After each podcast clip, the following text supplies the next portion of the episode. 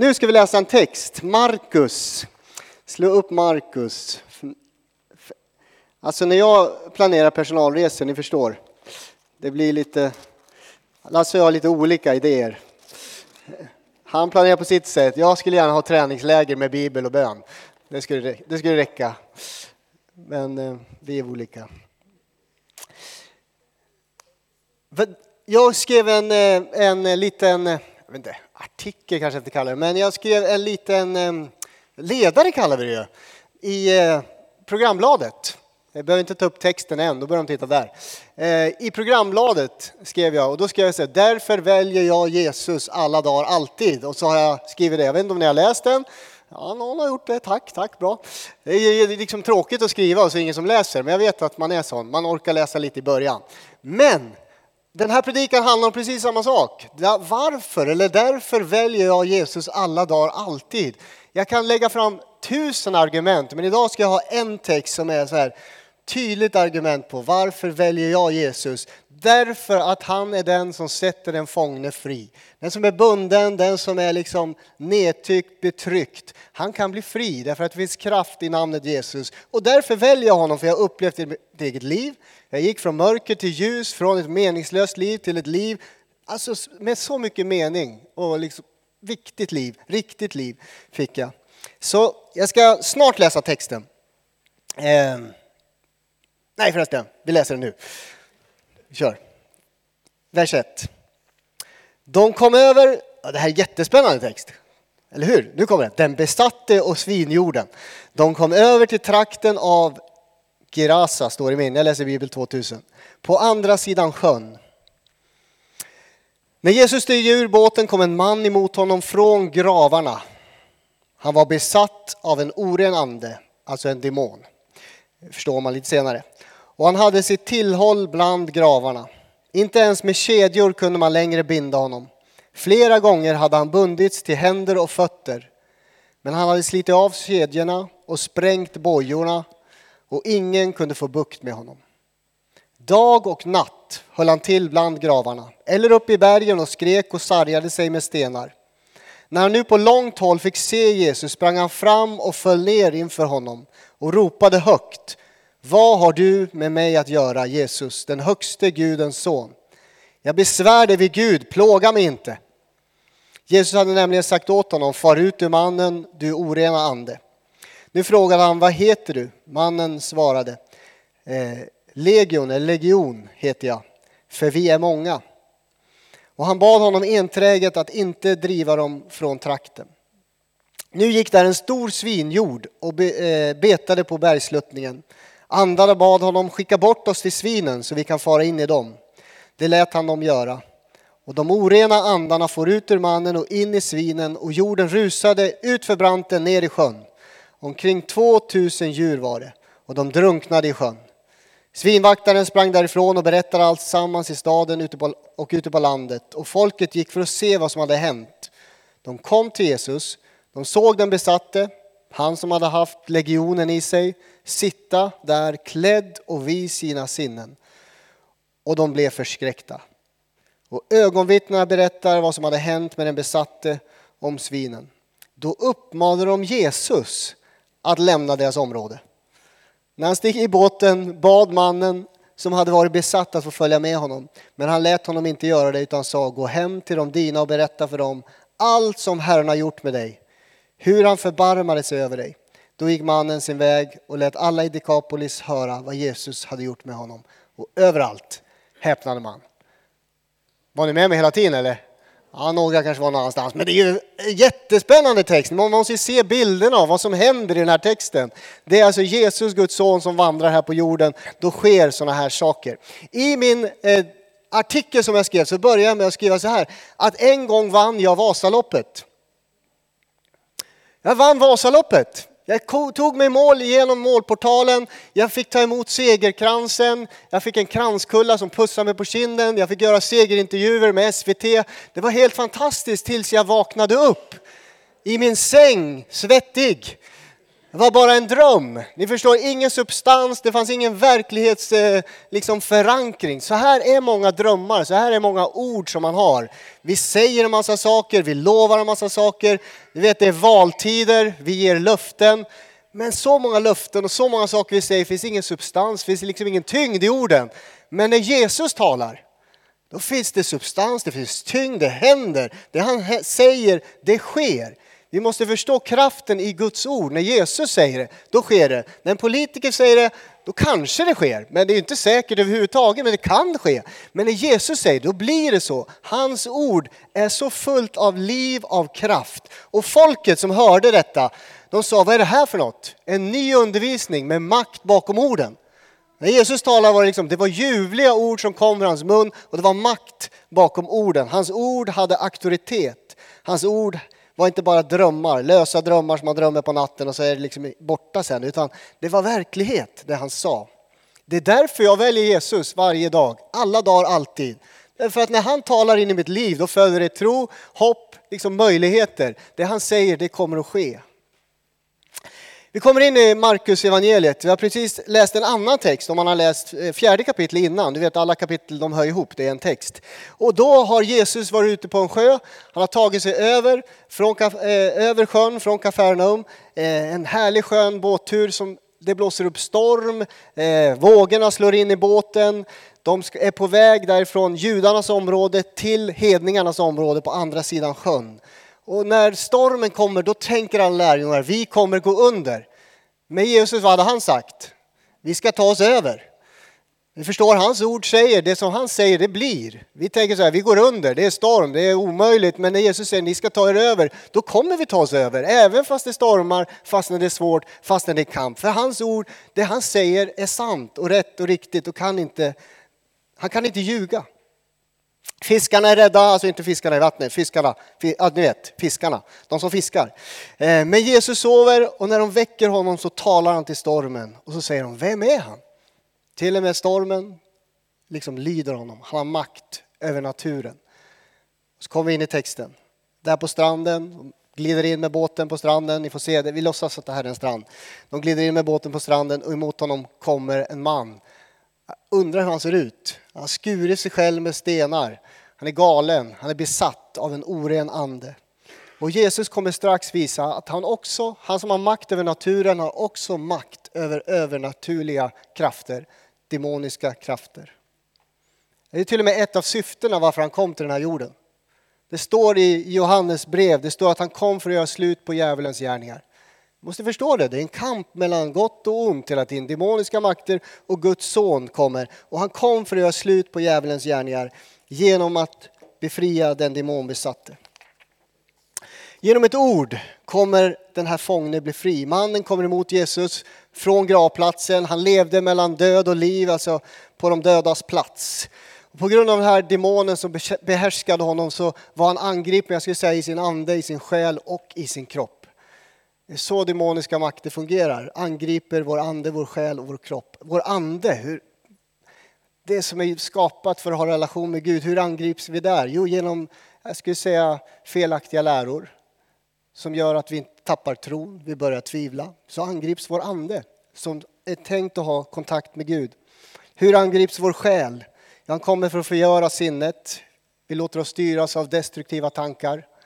Alltså ditt sinne, det skulle jag säga, är ett slagfält. Du ska förstå det som kristen. Det är slagfält ditt sinne, dina tankar. Det är, på, det är krigszon.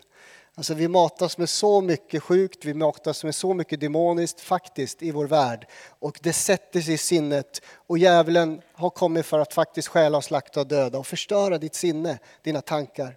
Genom lögner som man sprider om dig, som du börjar tänka om dig själv. Eh, Gud har övergivit mig, Gud har inte utvalt mig. Eh, massa saker. Är han verkligen god?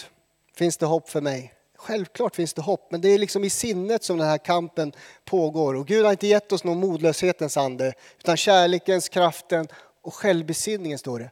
Det betyder kärleken, kraftens och ett sunt sinne. Vår Guds ande kan komma liksom och få dina tankar och bli Guds tankar. Det talas så mycket om förnya dina, ditt sinne. Jag skulle säga att det går att ta kontroll över sinnet, över tankarna, eh, med Guds ord. Det är stor skillnad. Alltså när kristna mediterar, och vi, ja, vi kan använda meditation. Det finns österländsk meditation, så finns det kristen meditation. Österländsk meditation, töm dig på allting. Kristen meditation, fyll dig av Kristus. Österländsk meditation, sluta liksom, ska inte tänka, ska inte existera, eh, bara få frid ungefär. Kristen meditation, fyll dina tankar med Guds ord, med Kristus. Kom närmare honom, börja tanka Jesu tankar, tänka Jesu tankar. Och då får du kontroll över sinnet. Det är därför jag pratar om läs ordet varje dag, alltid. För då förnyas dina tankar. Den här predikan har inga punkter, så ni får skriva ner saker som liksom träffar. Och så får ni ta med det. Det är inga punkter alls, det är bara på, rakt på här. Men tänker på det, vad, vad gör man liksom? Kristen meditation, ja, jag fyller mina tankar. Kan, du kan inte bli av med en tanke genom att tänka att du inte ska tänka en tanke. Du blir av med en tanke genom att ersätta den med Guds ord. Med Guds ord hela tiden, med Jesu ord. Och när Jesus talar, då försvinner det där mörka och så kommer hans frid, glädje, kärlek. Djävulen angriper vår fysiska kropp, alltså man mår inte bra, en del av er mår inte bra just nu i er fysiska kropp. Och Jesus, han tar även det på sig på korset och kan bota. Men genom Guds ord finns frihet. Därför, det är därför vi väljer honom hela tiden. För ande, själ och kropp. Den här mannen ska snart få uppleva det. Han ska få uppleva att han står där iklädd kläder och vid sina sinnen. Och innan mötet med Jesus, då var han naken. Innan mötet med Jesus, då hade de försökt binda honom. Innan mötet med Jesus, då hade han kedjor. Innan mötet med Jesus hade han skurit sig med stenar, sargat sig själv. Alltså man märker, han mår inte bra och ingen kan få bukt med honom. Vi känner igen det här. Alla går inte så här långt som den här mannen, men det pågår i vårt samhälle precis samma beteende, för människor mår inte bra i sin själ. Man sargar sig själv. Jag säger inte att alla är demonbesatta, men det är verkligen influerat av demoniska krafter. Så är det, även om det är både själsligt och psyket, eh, så är det ju så. Alltså vad gör vi med människor som beter sig så här? Jo, vi bältar även idag. Vi försöker kedja fast människor idag. Vi medicinerar ner dem på bästa möjliga sätt. Alltså vi, det pågår. Nyligen läste vi om en person, 28-årig man. Eh, ingen kunde hjälpa honom, så hans syster tog hand om honom och till sist så gav hon honom för mycket eh, medicin så han dog. Alltså hon tog livet av honom. Han hade skurit sig, de hade bältat honom. Han var så trasig och ingen kunde hjälpa honom. Alltså världen är utan hopp i det här, men vi har ju någon som har liksom en lösning. Det finns kraft i hans ord. Han kan befria även den som är mest fast i det värsta destruktiva man kan tänka sig, i mörker. Alltså ljuset kan besegra mörkret. Jesus har svar. Och vi kanske ser för lite av det. Jag skulle vilja tycka det ibland. Ja, men kan vi inte få se mer frihet? Kan vi inte få se mer, mer människor befriade innan vi går alla andra metoder? Vi måste nog fortsätta be bara. I Jesu namn tala Guds ord över dessa människor så att det blir frihet. Mannen springer fram till Jesus, han kastar sig till marken, alltså i en, en, en gest av tillbedjan Herre. det. Det är det det handlar om i det här, det här ordet i den här texten. Alltså han faller ner som att han tillber någon som är mäktigare än honom själv, fastän han är demonbesatt. Så faller han ner och tillber denne eh, Jesus. Demonerna är maktlösa inför Jesus, de måste böja sig. Jag skulle säga att den här texten det är en synlig manifestation av Filipperbrevet 2. Vad står det där? Filipperbrevet 2, där står det så här, en dag ska alla knän böja sig i himlen, på jorden och i underjorden. I den här texten så är det underjordens makter som böjer sig inför Jesus Kristus och säger så här, vad har du med mig att göra, den högste Gudens son? Jag besvär dig vid Gud, plåga mig inte längre. Plåga mig inte. Texten är med i Lukas också, i evangeliet i Lukas. Då står det så här, kasta oss inte ner i avgrunden. Alltså demonerna visste var de kom ifrån, vart de var på väg. I Matteus står samma text med, det står det, har du kommit för att plåga oss i förtid? Demonerna visste vart de var på väg, deras tid var begränsad. De skulle snart avväpnas och kastas ner i avgrunden. Demonerna tror på Gud. De tror på Jesu gudomlighet. De tror att de är förlorade. Hänger ni med? De har en rätt lära. Märkligt. Men de kan läran. De förstår Guds ordet. De förstår sin plats. De har rätt lära. I Sverige spekulerar man, finns det ens en Gud? Demonerna tror att Gud finns och att Jesus är Herre. I Sverige, ah, vi vet inte. I kyrkan funderar man, är verkligen Jesus av gudomlig natur? Är han född av en jungfru? Är helig ande? Är han avlad av helig ande som vi bekänner? Spekuleras sig. Demonerna tror att han är av gudomlig natur. I Sverige funderar vi i kyrkorna, går man verkligen förlorad? Nej, Jesus räddar väl alla. Det är väl inga problem. Han har ju dött för alla, han kommer rädda alla till sist. Kanske, men de flesta texter talar om att det faktiskt går att gå förlorad. Demonerna tror att de är förlorade. De har rätt lära. Och så säger Jesus, vad är ditt namn? Legion, eller legion heter jag, för vi är många. Legion, det vet vad det är, det är alltså en här i romersk rike, eh, eller ja, i romerska riket en soldatstyrka med över 6000 man. Oövervinnlig på den tiden armé, den romerska armén. 6000 man, oövervinnlig, kraftfull. I Matteus evangelium står det ingenting om legion. För att Matteus skriver till judarna, ganska ointressant. Markus skriver till romarna, romarriket. De fattar precis vad det handlar om när han beskriver den här demonen som legionen, 6000. Legion i dem, han är besatt, 6000 demoner. Eh, det behöver inte alls vara 6000 demoner. En del säger att det är 6000 demoner därför att det står 6000 demoner. Men eh, djävulen är lögnens fader. Han ljuger, varför ska han säga som det är? Jag skulle säga så här, djävulen försöker alltid få dig att tro att han är starkare än vad han är. Vi är 6000, vi är mäktiga. Nej, ett ord från Jesus sätter mannen fri. Jesus har all makt. Legion har ingen makt. Han ljuger kanske, men det är nog fler än en. Skicka bort oss in i svinen där, säger de. Och så får de det de önskar.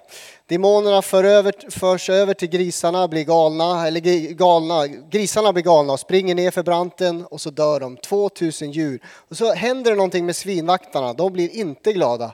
De hämtar folk in från byn, de uppmanar Jesus att lämna deras område och för, mig, för oss är det ofattbart. Vad är det som händer? Här är en man som eh, liksom var demonbesatt, som har försökt binda sig själv, kedja sig själv, han bor bland gravarna, han skär sig själv, han skriker på nätterna, han sprider skräck, alltså han är världens sämsta granne. Och nu sitter han där vid sina sinnen och så säger de, Jesus kan, kan du lämna oss, är du snäll?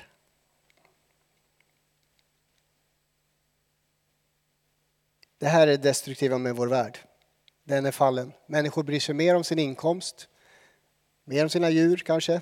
Man ska bry sig om djuren. Men de bryr sig mer om sin inkomst, sina pengar, än de bryr sig om en människa som är fri. Demonerna böjde sig för Jesus. Männen i staden brydde sig mer om att deras inkomst nu var i havet eller i sjön. Det här är världens sätt att hantera Jesus allt för många gånger. Det inte ha med Jesus att göra. Låt oss slippa höra om Jesus. En gång vittnade jag för en kompis, han hette John. Den är John. Och jag försökte på alla sätt berätta hur Jesus hade förvandlat mitt liv. John såg att mitt liv var förvandlat. Men John sa alltid, Lukas låt mig slippa höra om Jesus. Det var liksom världens reaktion. Han såg och han visste vad som hade hänt i mitt liv. Och ändå, nej jag orkar inte höra. Låt mig slippa höra om Jesus. Precis det som händer. Jesus lämnar oss. Grisarna är döda. Mannens sinnestillstånd var tecknet på att Jesus har makt och kraft i den övernaturliga världen. Alltså Jesus, jag försöker säga, Jesus ser människor. Han ser människor. Det är av högsta värde för honom. Han uppfylls av medlidande när han ser en människa som far illa. Han räddar, han befriar, han helar. Och samma Jesus som vandrar här på jorden, han är densamma idag. Han är densamma igår, idag, i evighet står det till och med. Och ett enda ord från Jesus sätter den fångne fri, sätter dig och mig fria. Vi måste tro det. Att Jesu ord, när han talar in i våra liv så blir vi befriade på olika områden. Det är därför jag väljer Jesus varje dag, alltid. Jag väljer att lyssna till hans ord. Inte mina ord, inte nyheterna, inte politikers ord. Jag väljer att lyssna till hans ord. Alltså, jag vet att det gör gott i min själ. Det står i Bibeln, är det Johannes? Var var det någonstans? Johannes brev. Det står väl till med min själ. Tack Mia. Mia citerade det nu på resan. Det var därför jag frågade henne. Första Johannes brev. Då skriver Johannes, jag vet att det står väl till med din själ. Tänk om man som pastor fick säga det till sin församling. Och det är så gott att veta, även fast det är kamp och strid och det är massa saker som händer, så vet jag att det står väl till med era själar. För att ni lever i Guds ord. Jesus lämnar platsen och mannen frågar, får jag följa med? får jag följa med? Förresten, en, en, jag tar en sid, sid, vad heter det? ta en liten not här. Jag tänkte på grisarna. Finns det grisar i ditt liv? Vi bara ta den bilden. Det är ingen predika, bara en not här vid sidan. Finns det grisar i ditt liv? Alltså sånt som behöver faktiskt ut ur ditt liv. Ner i, dränkas i sjön. Finns det saker, beteenden, tankar som du vill komma, ah, bort med de där grisarna som förstör ditt liv. Jesus han kan döda de där grisarna, upprätta ditt sinne, ge dig en sund och mental hälsa. Det är min tro. Tänk på det när du går hem. Vad är det för grisar som bökar runt och förstör? Eh, sprider en dålig lukt i ditt liv. Jesus lämnar platsen och så frågar, så frågar mannen så här, får jag, får jag följa med? Självklart vill man ju följa med när man har varit med om det han har varit med om. Alltså, nu måste du påminna dig om en tid i ditt liv när du var som mest hungrig, älskade Jesus som mest. Det kanske är nu, men det kanske var för tio år sedan. Det kanske var när du var nyfrälst. Alltså påminn dig om den där tiden när du var så hungrig och du ville bara vara nära Jesus. Det är det han vill. Här har han blivit befriad och han längtar. Jag vill ju vara med dig Jesus. Och så säger Jesus, nej du ska inte vara med, du ska inte hänga på. Du ska gå till dina nära och kära, din familj och så ska du berätta om vad du har varit med om. Gå hem till dem, låt världen få höra vad Jesus har gjort. Alltså ibland vill Gud att vi ska stanna här och lovsjunga hela natten. Men, och det är härligt, jag älskar lovsångsstunder, jag älskar bönestunder, det är fantastiskt, men det är bara steg ett i ett lärjungeliv. Att gå på gudstjänst är steg ett. Det sänds alltid ut. Steg två är att gå till dina nära och kära, din närmaste omgivning och berätta om vad Jesus har gjort i ditt liv. Det är så enkelt. Jag vill bara säga det är så enkelt att vittna om Jesus. Försöka göra det, och det är inte så svårt. Jag vet inte hur jag ska förklara, men, men tänk när du har gjort det någon gång. Jag hoppas du har gjort det någon gång. Vittnat om din tro på Jesus för någon människa. Kanske du har varit på på eh, Öregrundsmåndag med Micke, kanske var du på Olan Visar och pratade där. När vi var på Olan Visar, vi, vi mötte ju inte jättemånga, Mia och jag och några till, men vi mötte ju några människor. Ett litet bord, Eh, Magnus Gustafsson hällde i kaffe åt dem, skickade ut kaffe åt alla håll. Och så var det några som stannade och de samtalade vi med. Och så sa vi, vi är från Furukyrkan, vi är här för att prata om Jesus. Det gjorde jag i varje fall, jag vet inte vad Mia sa. Men jag tänker att hon sa något liknande. I varje fall. Och så började vi prata om Jesus. Jättelätt var det.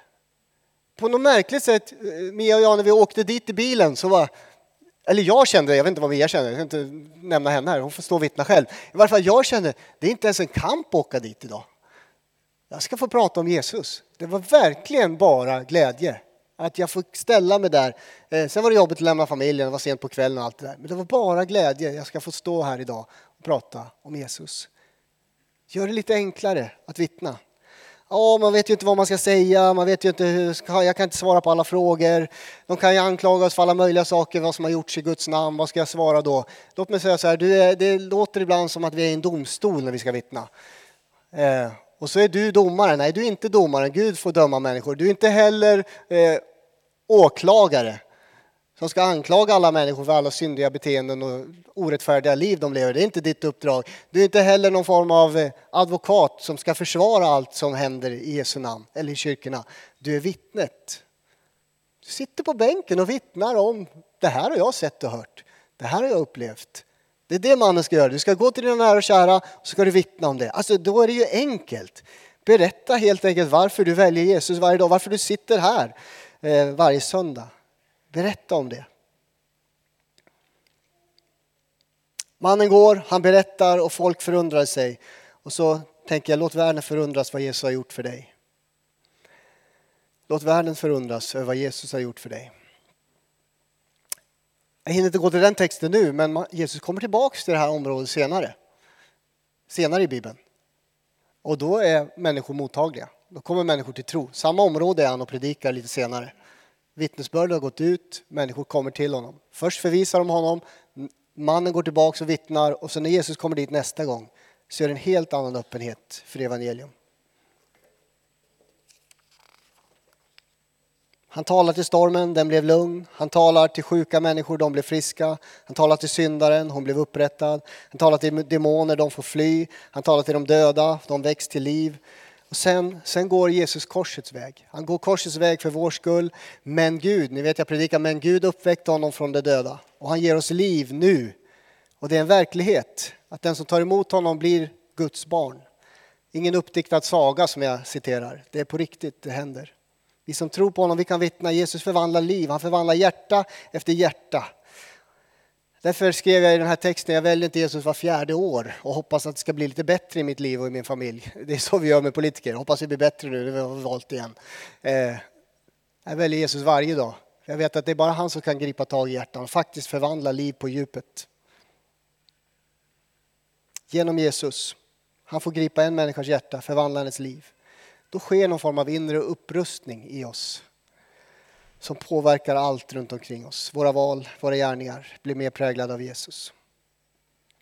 Så min uppmaning är välj honom alla dagar, alltid, alltid. Nu ska vi be.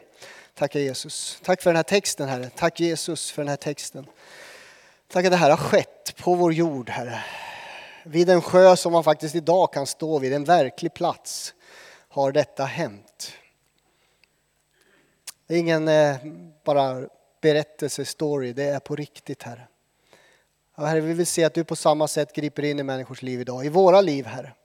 Du ser den som just nu kämpar, kämpar i sin ande med sin tro. Tvivel har kommit in, otro har kommit in Herre. Jag ber att du upprättar och föder tro igen Herre. Förstår att det är med dig vi behöver ha en relation. Jag ber för den som kämpar i sitt psyke, sitt sinne. Eh, så mörka tankar. Vi ber här att vi får se mer människor som kämpar med psykisk ohälsa faktiskt bli fullständigt befriade. Be för var och en som kämpar här Jesus. Kom och förnya sinnen, upprätta Herre. Låt dem förstå att du är det enda hoppet Herre. Be för den som kämpar med sin kropp. Mycket sjukdom, mycket plåga i kroppen. Vi ber Jesus lugnt och stilla, precis som du var faktiskt lugn och stilla när du bad från sjuka, ber vi just nu om helande Jesus. Helande Herre. Rör vid sjuka kroppar Herre. Rör vid sinnet, rör vid själen, rör vid våra kroppar. I Jesu namn, Amen. Amen. Lovsångsstiv, varsågoda.